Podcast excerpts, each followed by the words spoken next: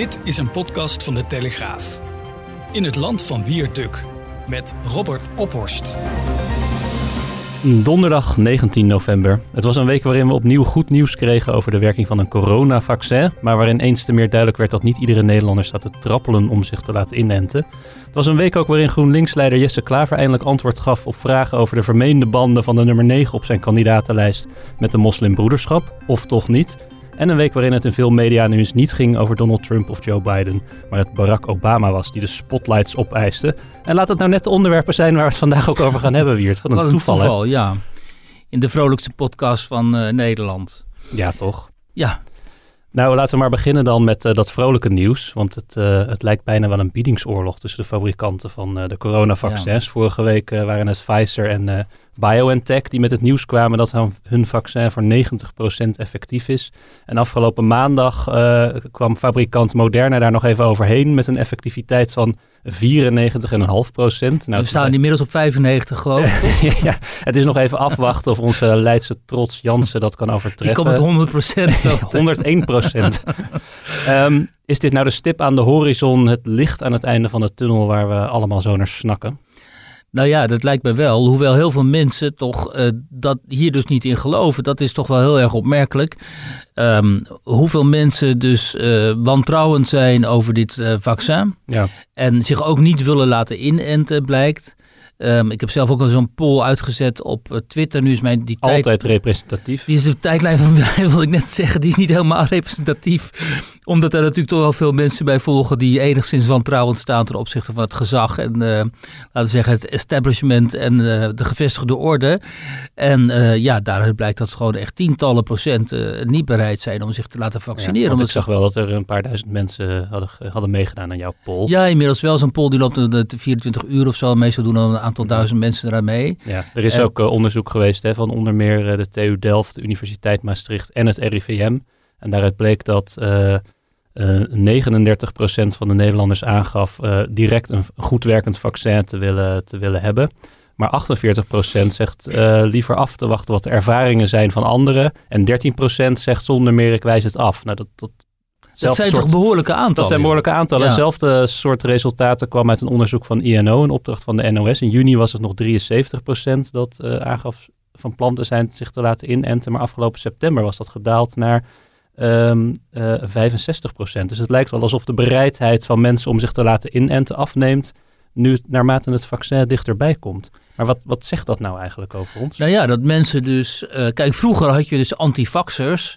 Hè, en dat was toch een klein, wat marginale groep in de samenleving... van mensen die zich om allerlei redenen niet tegen ziektes wilden laten inenten. Hè, om religieuze redenen of om ideologische redenen en zo. Maar van die mensen wordt toch altijd wel gezegd van... ja, eh, dit, dit, dit kan eigenlijk helemaal niet... want je schaadt hiermee misschien ook wel hè, het maatschappelijk belang... het sociale belang van, van andere mensen. Dus die werden weggezet als een eh, vrij uitzonderlijke groep van, eh, nou ja, toch wel vreemd, van vreemden, zeg maar. Of mensen waarvan wij dachten, die zijn toch wel vreemd. Eh, maar nu is dit dus een hele eh, substantiële groep aan het worden. En dat zegt een aantal dingen. Ten eerste zeggen heel veel van die mensen natuurlijk... ja, maar wij vertrouwen hè, dit vaccin niet... want het is zo snel tot stand gekomen. Meestal staan hier jaren voor... en wij vertrouwen dus niet op de veiligheid ervan. Nou, daarvan kun je zeggen dat eh, gewoon wetenschappers zeggen... ja, dat normaal gesproken het zo lang duurt voordat er een vaccin is... dat heeft allerlei redenen. Bijvoorbeeld van omdat de fondsen er niet zijn... of omdat er niet een grote groep vrijwilligers is gevonden... om het eh, vaccin op te testen. Allerlei praktische redenen, zeg maar... waardoor het dan zo lang duurt... terwijl het eh, gewoon ook veel korter zou kunnen duren... en nu er sprake is van een internationale crisis... En er gewoon heel veel geld is vrijgekomen en ook inzet en energie en allerlei eh, eh, testgroepen zich hebben gevormd. Is het logisch dat zo'n vaccin op korte termijn, zoals nu binnen een jaar, eh, tot stand komt. En dat zegt niks over dat de veiligheid dan minder zou zijn. Dus dat is dan de weerlegging. Maar ja, omdat onze overheden in deze crisis ehm, zo gefaald hebben in de communicatie vaak. Vaak ook omdat ze niet goed wisten wat ze nou precies met dit virus aan moesten. Maar ook wel omdat er tegenstrijdige signalen werden uitgezet door hen. Omdat die overheden zo ehm, vreemd zijn omgegaan eh, met zeg maar, de, de, de vraag van de gemiddelde burger. Um, denk ik, nou ja, en dat hoor ik ook wel, dat heel veel mensen zeggen: ja, maar wij vertrouwen die, die gezags, mm gezaghebbers niet meer. Wij vertrouwen helemaal niet meer Mark Rutte of al helemaal niet Hugo de Jonge, hè? maar ook niet iemand als Jaap van Dissel. Maar is dit ook niet een trend? Dat is wel heel schrijnend natuurlijk. Een trend die al iets langer gaande is. Ik kan me herinneren dat we ook in de Telegraaf vorig jaar al verhalen schreven over, nou, maar even oneerbiedig, de bakvoet, bakfietsmoeders uit uh, Amsterdam-Zuid die uh, zich niet meer, of hun kinderen niet meer wilden laten inenten, omdat ze daar wantrouwig tegenover staan. Ja, daar, daar spelen natuurlijk al die verhalen op het internet een rol. Hè? En op Facebook, hè? mensen die zeggen, ja, maar ik heb gelezen op Facebook dat je autistisch wordt van de inenting, dus ik ga mijn kind niet laten inenten, terwijl dat gewoon aantoonbare onzin is. Maar ja, weerleg dat maar eens. Want ik heb dus ook allemaal mensen in mijn tijdlijn. Als ik zeg van, mhm. joh, uh, laat je gewoon inenten. Dan zeggen ze, ja, maar jij bent, jij bent een, weet ik veel, wat ik dan ben, een gekochte journalist. Of, oh, je, jij moet van jouw baas van de Telegraaf, moet je dit zeggen en zo. Dus die mensen hebben helemaal geen geen, ook geen wetenschappelijke onderbouwing van hun, van hun angsten en zo. Die uiten gewoon hun angst. En er zijn natuurlijk heel veel mensen die zeggen: ja, maar ik ben helemaal geen risicogroep. Dus ik loop liever dat virus op voor mhm. mijzelf. dan dat ik uh, iets chemie, chemische stoffen in mijn lichaam laat spuiten. waarvan ik niet vertrouw dat die op de lange duur geen schadelijke uitwerking zullen hebben. En dat is natuurlijk heel egoïstisch. Uh, Zelfs Thierry Baudet heeft dit gezegd. ja. ja. dat is dus heel eh, egoïstisch, omdat je dan alleen aan jezelf denkt. Terwijl bij zo'n vaccin gaat het er natuurlijk om dat je groepsimmuniteit uh, creëert. Dus de enige mhm. manier, ook met dit virus, om die groep, groepsimmuniteit te creëren.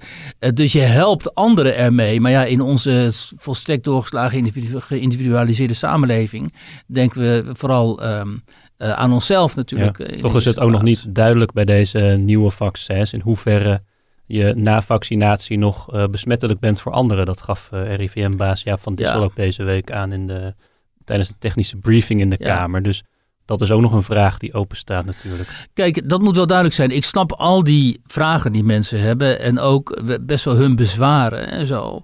Um, Um, wat het griepvaccin betreft bijvoorbeeld, daar stond ik zelf voor die vraag, omdat ik ook ingeënt kan worden voor, uh, tegen griep, terwijl je weet voor influenza, terwijl je weet dat heel veel van die, uh, dat vaccin dekt lang niet alle griepvirussen af jij, Zit je in de leef, leeftijdsgroep inmiddels Ik kreeg nu inderdaad, voor de ja ja, en dus die heb ik toch maar gehaald, ja. hè, omdat je, ik ben dus bij, mijn, mijn broer is medicus en bij andere artsen te raden gegaan, die zeggen ja nee, gewoon doen. Uh, het wel op, op het internet lezen allemaal horrorverhalen over mensen die zwaar ziek zijn geworden na die prik. Nou, heb die prik gehad. Ik, heb, ik, ik ben een beetje uh, koortsig geweest, misschien een paar dagen daarna. Maar daarna had ik nergens, nergens last van. Dus um, mensen maken elkaar gek. En je kunt jezelf gek maken als je op dat internet zoekt naar allerlei verschrikkelijke bijwerkingen van vaccins en zo. Maar vergeet niet, als kind worden we natuurlijk allemaal ingeënt tegen allerlei enge ziektes. Waardoor we die ziektes uit de wereld hebben kunnen helpen. Het is heel problematisch als nu grote groepen, aantallen mensen gaan zeggen: ja, wij willen ons niet laten vaccineren. Omdat, en het is ook gebleken de laatste jaren, daardoor weer ziektes gaan opduiken ook, waarvan wij dachten dat we die inmiddels hadden uh, uitgeroeid. En diezelfde mensen, denk ik, um, als ze op exotische vakantie gaan, op exotische reizen en zo, dan halen ze volgens mij wel een prik of, een, of een pil. Of noem maar op, want die vakanties die willen zich natuurlijk niet door de neus laten boren. Dus er zit ook een soort, soort vorm van um, tegenstrijdigheid in. Uh, maar het was, kijk, zonder er een oordeel over, over, uit te spreken, het is natuurlijk een fascinerende ontwikkeling dat dit, dat dit gaande is en dat het vertrouwen in die instituties kennelijk, maar vooral in die, in die gezags, in de, in de woordvoerders van die instituties, dat dat um, uh, de afgelopen maanden in deze coronacrisis nog meer is ondermijnd. Um, en dat is wel iets waar, uh, hè, waar de politiek en ook bestuurders en zo zich rekenschap van moeten geven ja. en aan moeten werken. Het wordt sowieso nog een hele klus om uh, genoeg mensen te vaccineren. De Gezondheidsraad heeft inmiddels advies uitgebracht aan het kabinet. Nou, ze komen met een plan A, plan B en een plan C. Maar het is überhaupt maar de vraag uh, hoe snel we genoeg mensen uh, kunnen vaccineren, ook in Nederland. Uh, minister De Jonge die besluit binnenkort over de, over de keuze van het kabinet daarover. Ja. Um, iemand die misschien wel met smart op een, op, op, op een vaccin zit te wachten is... Martin Simonis. Martin Simonis, ja. ja. Dat is een, een Haagse grafisch ontwerper. Hij raakte onlangs, net als zijn vriendin, voor de tweede keer besmet met het virus. Nadat ze beide in maart ook al wekenlang ziek waren geweest, uh, zijn ze nu dus opnieuw positief getest. En he hebben ze opnieuw hevige klachten. Ja. Jij sprak met hem voor jouw rubriek in Nederland. Um, ja, tot zover de hoop dat mensen na uh, een coronabesmetting immuun zijn voor het virus, zou ik zeggen. Ja, dat is dus iets wat, uh, hè, wat we eigenlijk al wel wisten, maar wat nu steeds vaker gaat opduiken: dat mensen dus opnieuw geïnfecteerd raken en weer ziek worden. Um, uh, aanvankelijk gingen we ervan uit van, nou ja, als je één keer ziek bent geweest, heb je zoveel immuniteit opgebouwd, uh, dan overkomt het je niet nog een keer. Maar al vrij snel kwamen we vanuit Korea en ook wel vanuit Italië, meen ik, die verhalen, schaarse verhalen, waren dat nog over herbesmettingen. En nu, en dat is natuurlijk ook allemaal onderzocht, en nu is het toch wel duidelijk van ja, uh, je kunt het gewoon de corona nog een keer oplopen. Ja. De vraag is of het dan in net zo ernstige vorm is. Nou, in dit geval van Martin met zijn vriendin is uh, hij is er minder erg aan toe dan in maart, maar zijn vriendin is er erger aan toe. Ja. Um, dus um, die, die gedachte dat je dan minder ziek zult worden, moet misschien ook wel worden uh, bijgesteld. En het is natuurlijk rampzalig. Kijk, het is sowieso natuurlijk heel vreemd dat dit eh, virus sommige mensen raakt en andere niet. Hè? Dat sommige mensen ontzettend ziek van worden en andere mensen, die ken ik ook gewoon één mm -hmm. dag, ja, die kennen we hier zelfs op de redactie, een paar ja. dagen een beetje lichte klachten en dan is het alweer voorbij. Dus dat, dat is sowieso een vreemd, uh, genetisch misschien wel Schijn ook een hoop raadsel. te zijn die het überhaupt niet weten dat ze het onder de leden hebben of ja. hebben gehad, omdat ze überhaupt geen klachten hebben gehad. Precies, al die asymptomaten en zo, die, die, die, die, die ondertussen wel mensen besmetten mm -hmm. en zo. Um, uh, en in dit geval is het dus kennelijk zo dat zowel hij als zijn vriendin, maar nu ook zijn ouders, omdat uh, de Simonis die heeft ook zijn ouders besmet, ja, die worden, deze mensen worden dus wel flink geraakt ja, door het virus. Want hij dacht, ik ben nu beschermd. Uh, hij kreeg op een gegeven moment verkoudheidachtige klachten. Ja. En hij heeft dus in die periode ook waarschijnlijk zijn, uh, zijn ouders uh, besmet. Precies, hij was dus uh, zwaar ziek geworden in, in maart. Toen heeft hij dus, zoals meer van die coronapatiënten, uh, wekenlang op bed gelegen. En uh, hij was zo benauwd. Hij had ontzettend hoofdpijn, dus hij droeg helemaal geen licht meer. En hij had het enorm benauwd, waardoor hij af en toe op het balkon moest gaan staan s'nachts om een beetje nog zuurstof te kunnen happen. Dus hij zegt ook van, joh, al die verhalen van mensen die zeggen het is maar een griepje en het valt wel mee en het is een hoax en het is bedacht door de overheid om ons in onze vrijheid te beknotten en zo. Ik gun ze één dag wat ik heb meegemaakt in al die weken en dan zullen ze begrijpen hoe ernstig deze ziekte kan zijn. Mm -hmm. Dus nogmaals, al die kletskoek over dat COVID niet serieus is, het, is gewoon, het kan gewoon in, sommige, in een groot aantal gevallen een heel ernstige aandoening zijn. Ja. Hij heeft het toen ondergeleden. Hij was uh, na zes weken of zo kwam hij eindelijk weer uit bed. En toen moest hij gaan revalideren. Nou, hij zei, hij kon nog geen kopje optillen. Uh, hij kon nog geen stap voor de ander zetten. Dat weet ik ook van een neef van mij trouwens. Die is ook uh, ernstig ziek geweest, ook uh, geïntubeerd geweest. Heeft op de IC gelegen. En de verzwakking van die lichamen is echt verschrikkelijk. Ja. Ze hebben totaal geen energie en kracht meer. Hij was er eigenlijk net bovenop, hè? Precies. Toen hij weer opnieuw besmet raakte. Hij is toch gaan trainen, eerst met hele kleine gewichtjes en steeds zwaarder. En hij was inderdaad, wat je zegt, net weer bovenop toen dacht hij, oké, ik zal immuun zijn. Dus ik ben nu, uh, ik voel me een beetje verkouden. Maar ja, dat zal verkoudheid zijn. Meer mensen zijn verkouden. Toen is hij naar zijn werk gegaan. Maar toen was zijn vriendin inmiddels ook al, had ook al klachten. En zijn moeder ook. En die hebben zich laten testen. En die bleken positief. En toen heeft hij zich ook laten testen. Toen bleek hij ook weer positief. En dan, dan stort natuurlijk wel je wereld ja. in. Want wat doet dat geestelijk met zo iemand? Ja, dat zei hij. Van, uh, dat hij die middag, toen hij hoorde dat hij positief was getest. Dat hij echt op de bank is gaan zitten. Totaal verslagen. En dacht van, jee, wat uh, overkomt me nou? En, ja, daar gaan we weer. En hoe is dit in vredesnaam mogelijk? Hier had ik totaal geen rekening mee gehouden, want ik wist niet dat je uh, weer besmet kunt raken. Maar goed, heeft de, in, die revalidatieperiode heeft hij ook, behalve met de fysiotherapeut, ook met um, uh, een soort van psycholoog gesproken. Dus hij heeft goede gesprekken gehad. En hij zei, uit die gesprekken, daar is hij toch wel heel gesterkt uitgekomen. En daar heeft hij nu ook wel een soort van de kracht, kunt, kan hij daaruit putten om te zeggen, oké, dit, dit is verschrikkelijk, dit is een hele duistere periode, maar hier komen we ook alweer doorheen.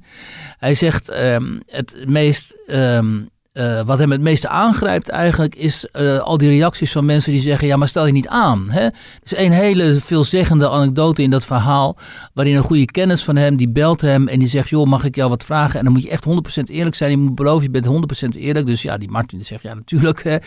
we kennen elkaar al 15 jaar. En dan zegt die kennis van, ja maar word jij niet betaald door de overheid? Want ik lees op Facebook, mensen lezen altijd dingen op Facebook. Hè? Ik lees op Facebook dat de overheid acteurs inhuurt uh, om te doen alsof ze corona hebben. Um, want uh, er mag ook niet gefilmd worden in de ziekenhuizen op de IC's, want die, want die, want die zijn leeg. weten wij vanuit undercover uh, acties. Dus die hele corona-crisis schijnt een hoogste te zijn. En wat jij, krijg jij misschien ook geld vanuit de overheid. En dan moet je je voorstellen, ben je dus doodziek. Krijg je die vraag voorgelegd. En dat zegt hij ook van um, tegen die kennis van ja, hoe, hoe kan het nou zijn dat iemand die normaal gesproken toch wel nuchter is en die mij al zo lang kent, dat zelfs jij de, uh, denkt dat ik, uh, hè, dat ik hier een rol speel en dat ja. het niet serieus is. En dan zie je ook hoe ver die complottheorieën en dat anti, anti, dat anti-denken, zeg maar, wat natuurlijk wijd verspreid is op dat internet en op al die Facebook-sites en zo, hoe dat um, mensen in hun greep krijgen. Of, hè, in, tijden van het corona misschien sowieso, waarin mensen thuis zitten en urenlang op het internet onderweg zijn. Uh, dat gewoon hele verstandige, normale mensen, waarvan je denkt van dat zijn normale mensen, dat die ook al dit soort vragen zijn. Ja, ik zie, ik zie het gewoon in mijn tijdlijn op Twitter ook gebeuren. Hè? Die mensen waarvan ik denk van, goh, jij was uh, tot maart was jij nog best wel normaal iemand. Weldenkende volger. Weldenkende volger en zo. Maar die echt volledig ontsporen gewoon. Die echt denken dat uiteindelijk dat Bill Gates erop uit is om ons via dat vaccin met microchips uh, te, te, te, te in, in, te enten. Het is misschien psychologie van de koude grond, maar mensen voelen zich natuurlijk ook ontzettend bedreigd. Ook in hun bestaan door zo'n pandemie. Dus dan. Ja, maar dat voelen wij natuurlijk allemaal, toch? En, en sommige mensen die blijven dan toch nog vrij nuchter. Of ja, de meeste ja. mensen blijven dan toch nog vrij nuchter. Maar je ziet dus een, een, een deel van de mensen echt in hun hoofd gewoon afglijden. Mm -hmm. Zo, ik kan het niet anders omschrijven. En nou ja, ook dat iemand als Baudet nu zegt: hè, van ja, ik ga mij niet laten vaccineren en zo. Hij, is toch, hij heeft de verantwoordelijkheid van een politiek leider. Hij staat voor een beweging.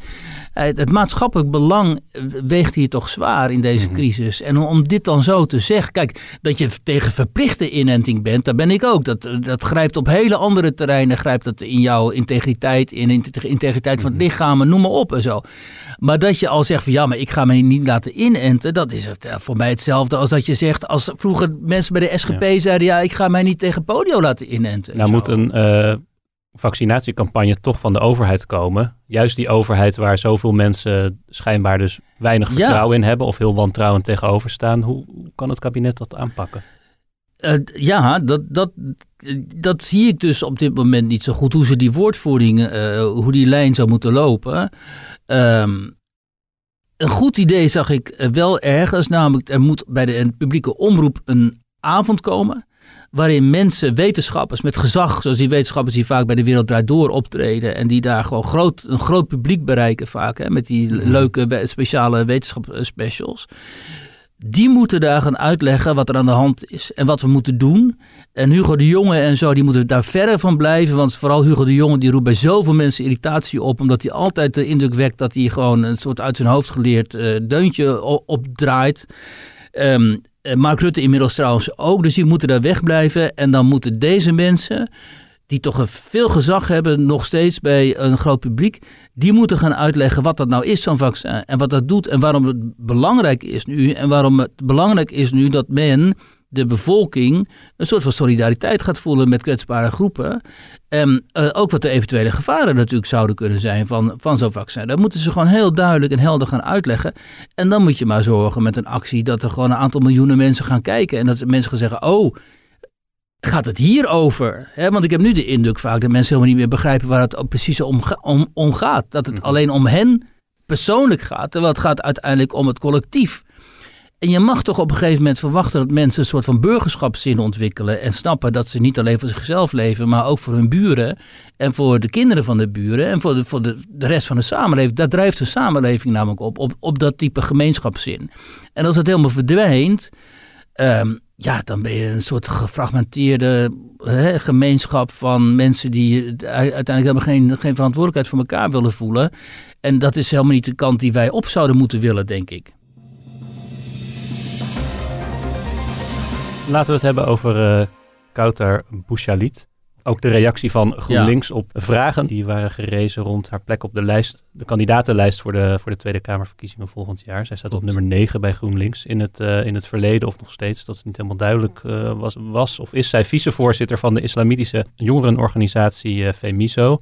Die schijnt weer banden te hebben met de omstreden moslimbroederschap.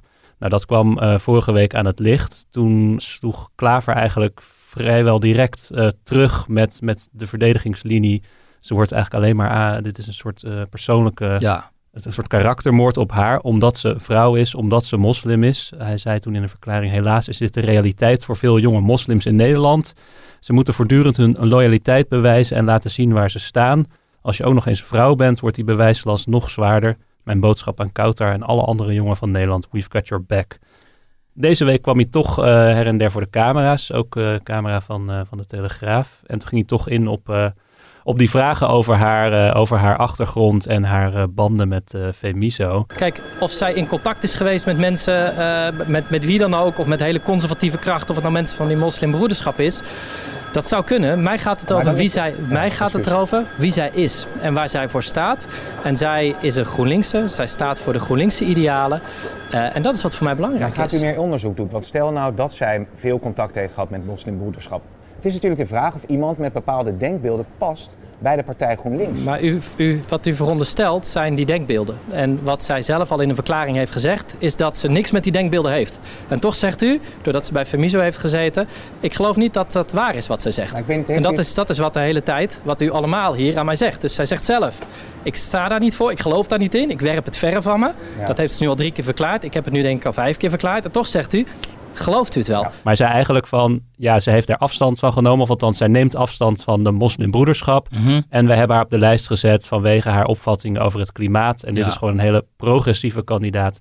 Niks mis mee. Eh, is het boek hier nu mee gesloten? Eh, ja, nee, dat denk ik niet. Omdat, ehm, omdat eh, Jesse Klaver telkens maar om de hete brei heen draait. eh, wat ook niet zo verwonderlijk is. En dat is natuurlijk van... Hoe kun jij als zeg maar eh, links-liberaal eh, groene partij, als GroenLinks, eh, hoe, kun je, hoe verantwoord je het nou dat je iemand op je, prominent op je lijst zet die kennelijk toch hele zeg maar, conservatieve religieuze opvattingen erop nahoudt? Want ehm, eh, eh, eh, eh, deze Kautar die draagt dus niet alleen via het dragen van de hoofddoek uit dat zij beleidend islamitisch is, maar ook via die organisaties waar zij lid van is geweest en ehm, of nog is. En eh, ook activiteiten die ze daarvoor ontplooid heeft. Hè? Dus zo, ze- ze- dan is er zo'n cursus of zo'n bijeenkomst, zie je dan, waar zij dan ook optreedt en spreekt. En daar zijn dan de vrouwen en mannen die zitten daar gescheiden en zo. Ehm, maar helemaal die mogelijke connectie met de moslimbroederschap. Die, Want waarom is dat zo kwalijk? Wat? Dat mensen gescheiden zijn. Nee, de, de, de, de mogelijke banden met de moslimbroederschap. Nou ja, omdat die moslimbroederschap, die is niet voor niks in een aantal landen ook verboden. Omdat die moslimbroeders zijn eigenlijk zeg maar de, de, de, vooruitgeschoven pionnen van de politieke islam. En dan eh, met name ook nu in het Westen. Hè? Eh, vanuit de Arabische wereld hebben die moslimbroeders eh, eh, gewoon eh, moskeeën en andere islamitische organisaties, eh, die worden dan gesteund. En ehm, zij staan erom bekend dat zij anders dan echt die extremistische groepen, zeg maar, ehm, de, de identiteit van het Westen aannemen. Dus dat zijn die mannen in die mooie pakken, met die mooie getrimde baarden, met een heel redelijk betoog waarvan je denkt van hé, hey, wat een... Wat een sympathieke, hoogopgeleide, eh, Verlichte moslims. verlichte moslim hebben we hier en ondertussen dat, het, eh, daar hebben ze een hele radicale agenda waarin uiteindelijk gewoon de, de, de islamitische wet en de islamitische zeden en ehm, eh, eh, prioriteiten hebben. En ehm, het kan best zijn, kijk, ik denk als zij eh, op de lijst van Denk of Nida had gestaan, dan hadden mensen daar nu natuurlijk niet verwonderd over geweest. Hadden mensen gedacht, ja, dat is logisch. Iemand met dat soort contacten, die komt op zo'n lijst. Maar zij komt op een lijst van een partij die zich erop voorstaat progressief en, en, en links te zijn. Ja. Em, en dan reizen natuurlijk dit soort, dit soort vragen. Maar ehm, los van het hele debat eh, over haar, denk ik eh, zo langzamerhand dat wij eh, dat dit soort ontwikkelingen onvermijdelijk zijn, gezien de demografie, demografie van Nederland en gezien ook ons politieke landschap en gezien het feit dat steeds meer hoogopgeleide moslims, zoals zij, zich aandienen in het debat en in de politiek. En ik denk dat we er op een andere manier naar moeten gaan kijken. Kijk, Ehm, kijk, ik heb haar niet gesproken en dus ik, praat nu even, zeg maar, niet voor haar, maar vooruit voor een beweging binnen de islam. Binnen die islam bestaat natuurlijk ook een beweging die groen is, hè, die, eh, die, het opneemt voor, die opkomt voor de natuur, voor het milieu en die aandacht heeft voor de zwakkeren in de samenleving en voor de armeren ook. Het is een, een beetje een heel sociale stroming binnen die de religie. Die vijf zuilen die behoren, dat, en binnen die vijf zuilen is dat ook heel belangrijk. Ehm, en zij kan zich natuurlijk heel goed, eh, zeg maar, ehm, baseren op die traditie. Zij kan zeggen, ja, ik ben als eh, gelovig moslima ben ik gewoon groen. Ik ben betrokken bij de aarde, bij de mensen, bij de zwakkeren, bij mensen die hulp nodig hebben. Ehm, dus dat is allemaal te verklaren vanuit mijn religieuze standpunten. En dat ik dan uiteindelijk bij GroenLinks uitkom, dat is omdat GroenLinks zich dan als meeste inzet voor, voor het milieu en voor klimaat en voor de aarde en zo. Ehm, Dat is eigenlijk ook wat Klaver zegt. Hè? dat is ook precies wat Klaver zegt. En nu kunnen critici blijven hameren op het feit, ja, maar hè, moslimbroederschap en oh, oh, eh, orthodox islamitisch en zo.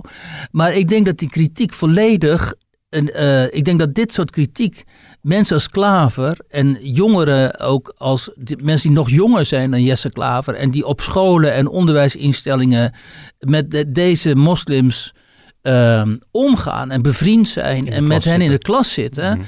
dat het helemaal geen argument meer is. Ik denk dat voor hen vanzelfsprekendheid is dat iemand als Kauta met hoofddoek, hè, of een jongen met baardje die ook veel bidt en in de moskee hangt en misschien ook een contact heeft met die moslimbroeders en zo, dat die ook in een linkse partij kunnen zitten.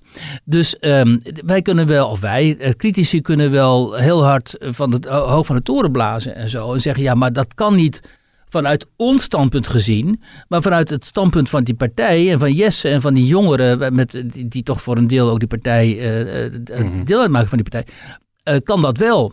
Dus je hebt twee verschillende, totaal verschillende intellectuele eh, werelden tegenover elkaar. En, eh, en dat is een gevolg van, hè, van alles waar wij het over, al zo vaak over hebben gehad hier, over im- immigratie en de manier waarop men dan integreert en de rol van de islam en ook de eisen vanuit minderheden en de eisen vanuit de islam en zo. En zo sta je dan tegenover elkaar uiteindelijk. En dan sta je eigenlijk tegenover elkaar zonder dat je nog een gemeenschappelijke taal kunt vinden. Omdat je het niet meer hebt over dezelfde concepten en over dezelfde analyse van wat dan de betekenis is van die religie. Of eh, wat betekent hè, hoe je de orthodoxe religieuze denkbeelden inpast binnen een linkse ideologie en zo. Ehm, voor mijn generatie en misschien even daaronder is het eigenlijk ehm, onbegrijpelijk. Maar voor die jongere generatie merk ik, is dat dus niet zo. Mhm. Een interessante anekdote is ook dat toen na de aanslagen van Parijs en Nice, waarvan je zou denken dat jongeren ernstig bevreesd raken over het verschijnsel van de politieke islam en die salafistische, jihadistische aanslagen, dat onder studenten, weet, nou ja, bepaalde groepen studenten dan, zo'n eh, zo'n meme heet dat, geloof ik, ja, rondging eh, met eh, all met de tekst All Muslim Lives Matter. Mhm. Terwijl, hè, en dat die, er werd dan heel veel gedeeld en zo. Maar het ging op dat moment helemaal niet over moslimlevens. Het ging over levens van een eh, Franse leraar. Hè, die onthoofd werd. En van andere niet-moslims die eh, het leven verloren. Maar het werd onmiddellijk betrokken op. Moslims eh, staan nu onder vuur. Mhm. Kijk maar naar Macron, wat hij doet. En wij moeten onze islamitische medeleerlingen eh, en vrienden moeten wij gaan beschermen. Dat zag je ook hier op school in Rotterdam, hè, waar die spotprint eh, werd getoond. En die, die leraar die moest onderduiken. Dat die, het aantal van die niet-moslimse kinderen die zeiden...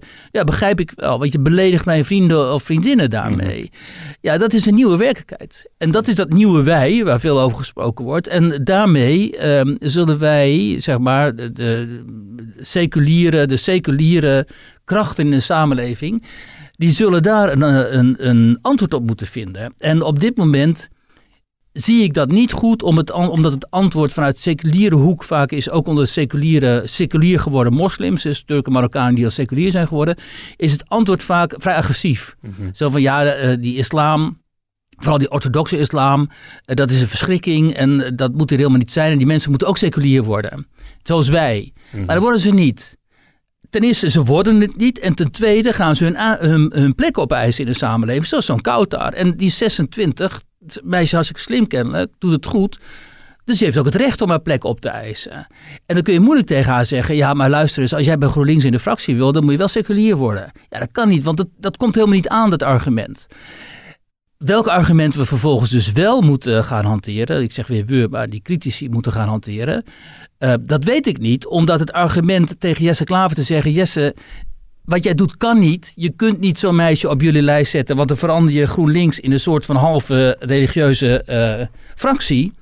Hè? En met uiteindelijk misschien wel het gevolg dat zij gaat eisen dat man en vrouw in die fractie apart gaan zitten, net zoals dat bij die cursussen van haar. Dat argument komt ook niet aan. Dan ga je dus zeggen, ja, flauwekul. Dus het is fascinerend wat hier eigenlijk gebeurt. In deze ene casus zien we dus de verwarring zeg maar, in onze samenleving. Maar misschien ook wel zien we hier ook wel de toekomst van onze samenleving. Waarin uh, het misschien wel zo, wel zo zal zijn dat vanwege die eisen van die minderheden niet alleen de islamitische minderheid, maar ook de zwarte minderheid natuurlijk. Hè, die eist dat Zwarte Piet verdwijnt. En dat wij allemaal erkennen dat wij blanken racistisch zijn. En dat we hen veel meer ruimte geven in alle opzichten en zo. Um, misschien is dat wel een, een, een, onontkoombare ontwikkeling. En zal wat je ziet op die scholen nu al, dat blanke kinderen zeg maar toegeven. En niet eens met, met, met, met weerzin toegeven, maar ook vanuit hun eigen zeg maar uh, empathie. Hè? -hmm. Uh, misschien is dat wel de, de, de, de, de toekomst. Ik hoor ook bijvoorbeeld in de kringen van twintigjarigen dat daar nu al die boeken over uh, white privilege en zo. En uh, hè, er is ook zo'n boek, boek, dat heet dan Wit Huiswerk. Mm -hmm. Nou, dat, dat gaat van hand tot hand daar. En in plaats van dat ze denken van, wat is dit voor flauwekul? Dat is interessant hier moeten we mee, dit is belangrijk. Ja, dat, en dan kunnen critici honderd keer zeggen, joh, dat is indoctrinatie of het is geen, het is geen juist standpunt of het is, het is een verkeerde ideologie die je daar eigen maakt. Uh, maakt geen indruk, omdat, um, en die indruk heb ik ook onder jongeren, Kijk, jongeren zijn natuurlijk van de natuur een beetje eh, rebels vaak en, en, en graag keren ze gra graag tegen het gezag. En ik heb de indruk dat bij jongeren zowel Black Lives Matter als ook die, deze, uh, de, zeg maar, de, de, rebellie van de moslims, dat ze dat eigenlijk wel heel spannend vinden. Mhm. Net zoals een, een half eeuw geleden het communisme in, in zwang was onder bepaalde groepen. Nou ja, ik heb al eerder gezegd hier, en er kwam veel, uh, er kwam vanuit dus op sociale media en zo uh, veel onbegrip over. Maar dat volgens mij voor een deel van die jonge generatie moslims de islamitische staat, kalifaat. En de, en de opkomst van het kalifaat en daarheen gaan en vechten en zo, wat die, wat die jongens dan deden.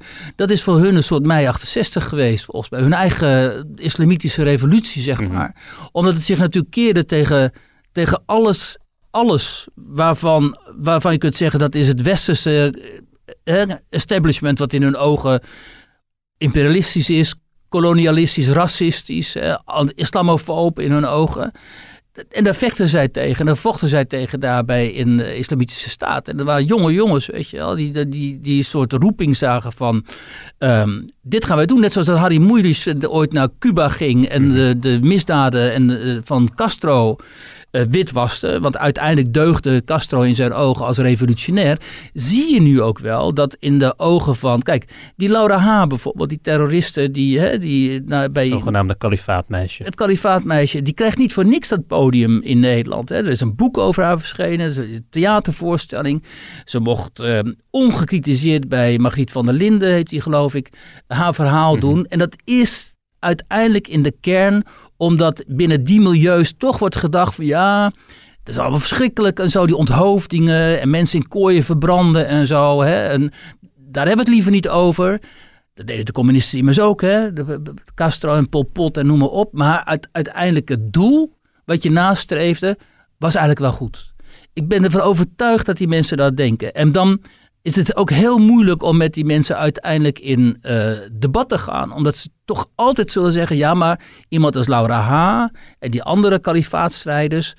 Uh, die hebben inderdaad allemaal oorlogsmisdaden begaan, maar in de kern ging het hen om het goede. Terwijl bijvoorbeeld bij neonazies en, uh, rechtse terroristen, hè, die net zo erg zijn natuurlijk, althans in mijn ogen. Maar in hun ogen zijn die toch altijd wat fouter. Want die streven iets na wat zij ook verwerpelijk vinden, snap je?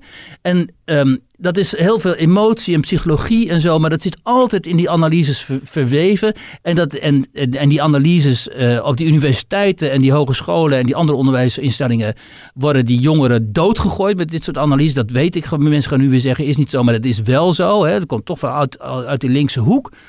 Uh, dus uiteindelijk gaan die, die jongeren die gaan mee in dat verhaal.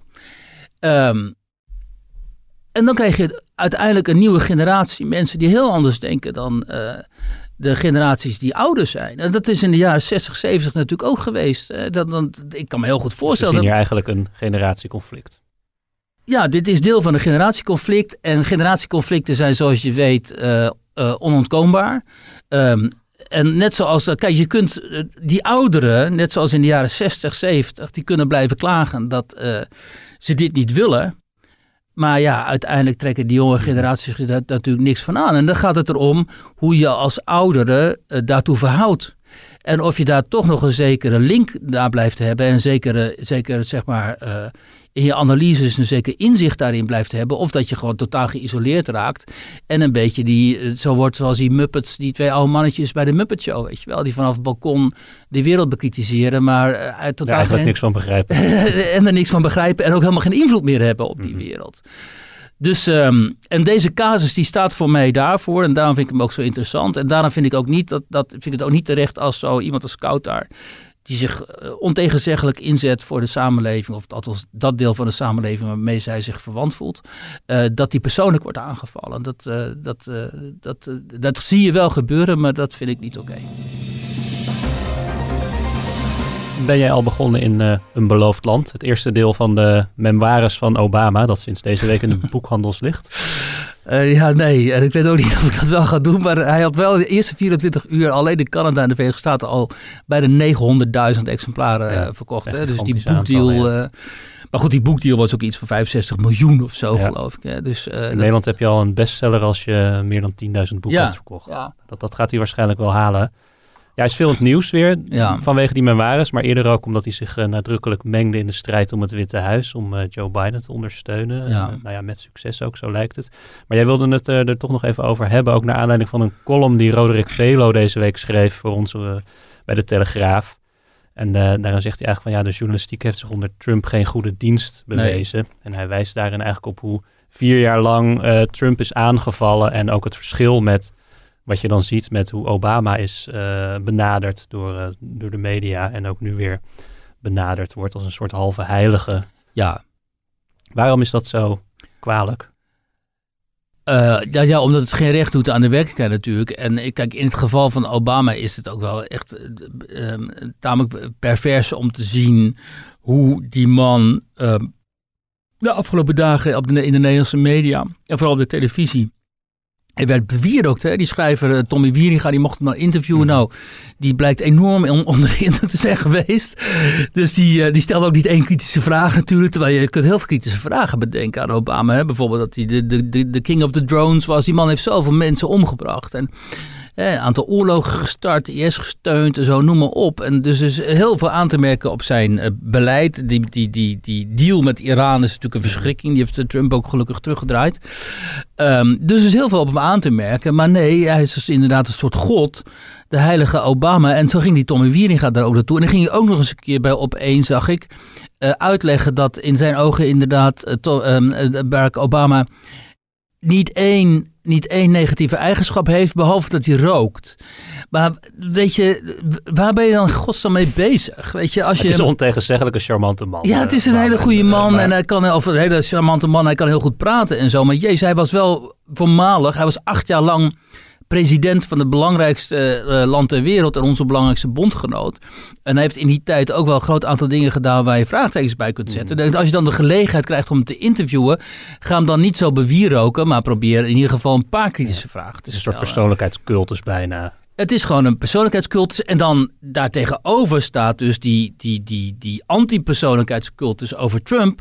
Die niet één succes wordt gegund. En die alleen maar wordt afgemaakt als een soort eh, hem, de duivel op aarde. Maar is het eigenlijk niet het, hetzelfde, maar dan aan twee tegenovergestelde zijden van hetzelfde spectrum? Het is het. Ja, het is wel een spiegel, spiegelbeeld. En je ziet ook eh, je ziet op rechts natuurlijk wel mensen die alles van Trump goed praten. Maar ja, Ja, kijk, Want die, Trump is, die man is gewoon in en in slecht. Althans, volgens sommige critici. Dus, Ja. dus alles wat hij doet is ook slecht. Terwijl volgens diezelfde critici Obama een soort heilige is en alles wat hij doet is goed. Ja, en aan de andere kant heb je natuurlijk op rechts mensen die zeggen van... Nou, die Trump is eigenlijk de beste president ooit. Mhm. En die Obama, dat was eigenlijk gewoon een, een, een, een moslim Die eens in het Witte Huis. geboren. Al dus die Trump in- zelf ook. Precies, die niet eens in Amerika is geboren... die eigenlijk de agenda van de moslimbroeders uitvoeren. of Zo, weet je, dat, dat soort flauwekul. Dus de taak van de media is om daarin tussen die idiote extremen natuurlijk balans te vinden. En als je dat niet doet als media...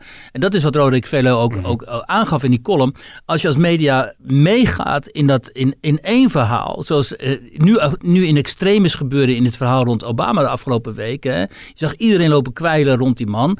Ja, dan, dan verzaak je natuurlijk. En dat ging in de Verenigde Staten zo erg dat die eh, Christian Amanpour, hè, dat is toch een leidende anker bij CNN, precies, eh, die, ehm, die dus zei bij de herdenking van de Kristalnacht dat eigenlijk de afgelopen jaren in de Verenigde Staten onder Trump een soort permanente kristalnacht heeft plaatsgevonden. Nou ja, dat, dat was natuurlijk absurd. Welcome to the program, everyone. I'm Christiana Manpour in London. This week, 82 years ago, Kristallnacht happened. It was the Nazis' warning shot across the bow of our human civilization that led to genocide against a whole identity. And in that tower of burning books, it led to an attack on fact, knowledge, history, and truth. After four years of a modern day assault on those same values by Donald Trump, the Biden Harris team pledges a return to norms. Daar kwam ook heel veel kritiek op. En toen heeft de Israëlische overheid, de ministerie van Buitenlandse Zaken, meen ik, die heeft gezegd: ja, dit pikken we niet. Je kunt niet zomaar die kristalnacht associëren met het presidentschap van Trump. En die heeft toen excuses geëist. Die heeft ze ook moeten geven. Ze heeft dus haar, haar excuses moeten aanbieden. En dat, dat laat dus zien hoe, hoe, hoe, op, op wat voor ridicule manier die Amerikaanse media zijn meegegaan in die cultuuroorlog en in dat politieke conflict. En dat is natuurlijk heel ernstig, omdat aan de een, hè, ten eerste wil je niet dat iconen, als journalist wil je niet iconen van de journalistiek, zoals New York Times en ooit ook wel tijdens de Irak-oorlog, CNN en, eh, en een aantal andere media, dat, dat die zo afglijden naar en een propagandakanaal worden.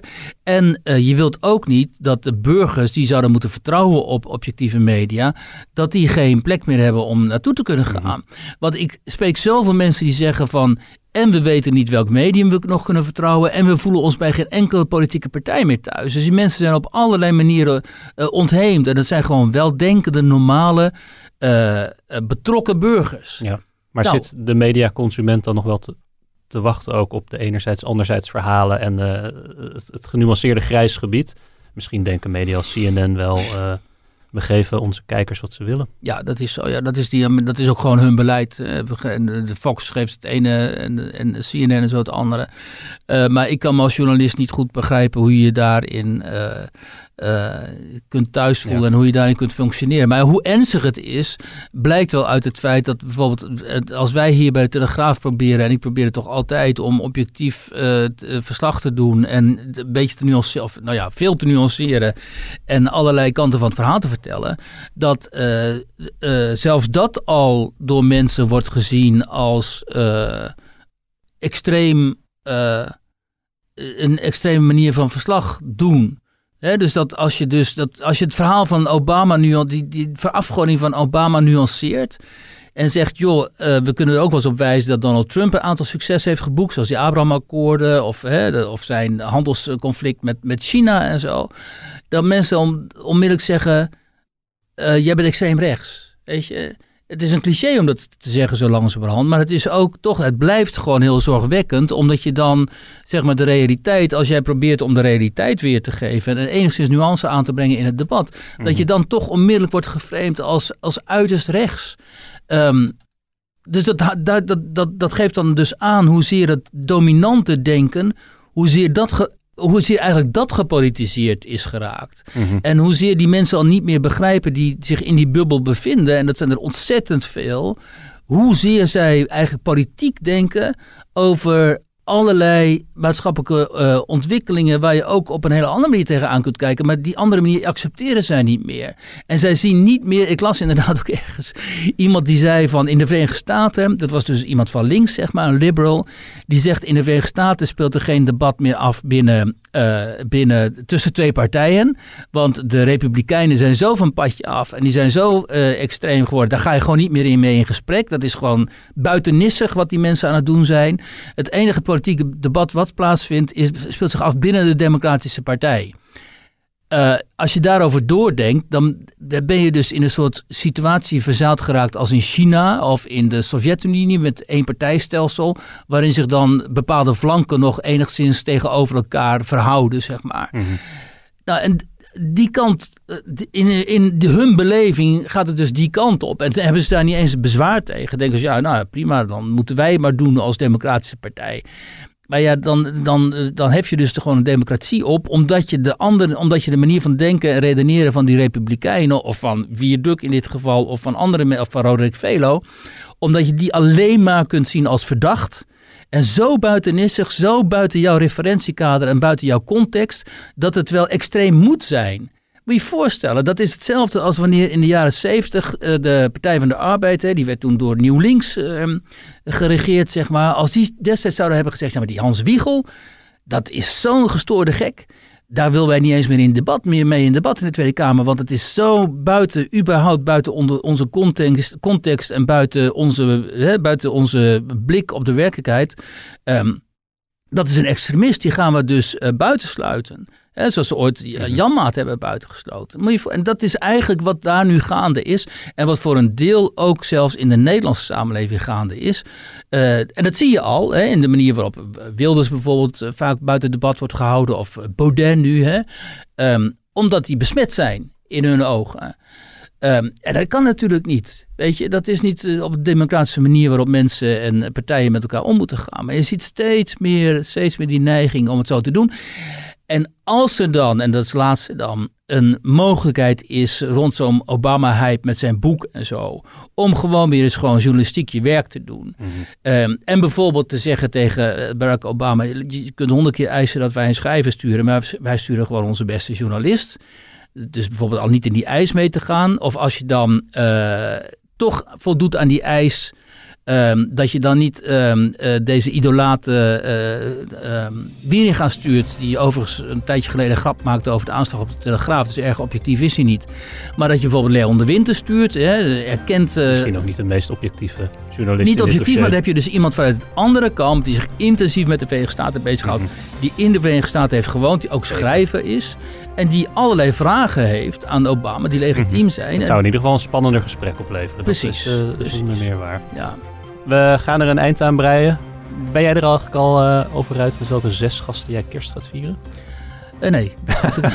je moet kiezen uit die, die lange oh, lijst. waren er nog vier, toch? Of niet? Oh ja, ik dacht maximaal zes gasten. Nou ja, Oh, ik oké.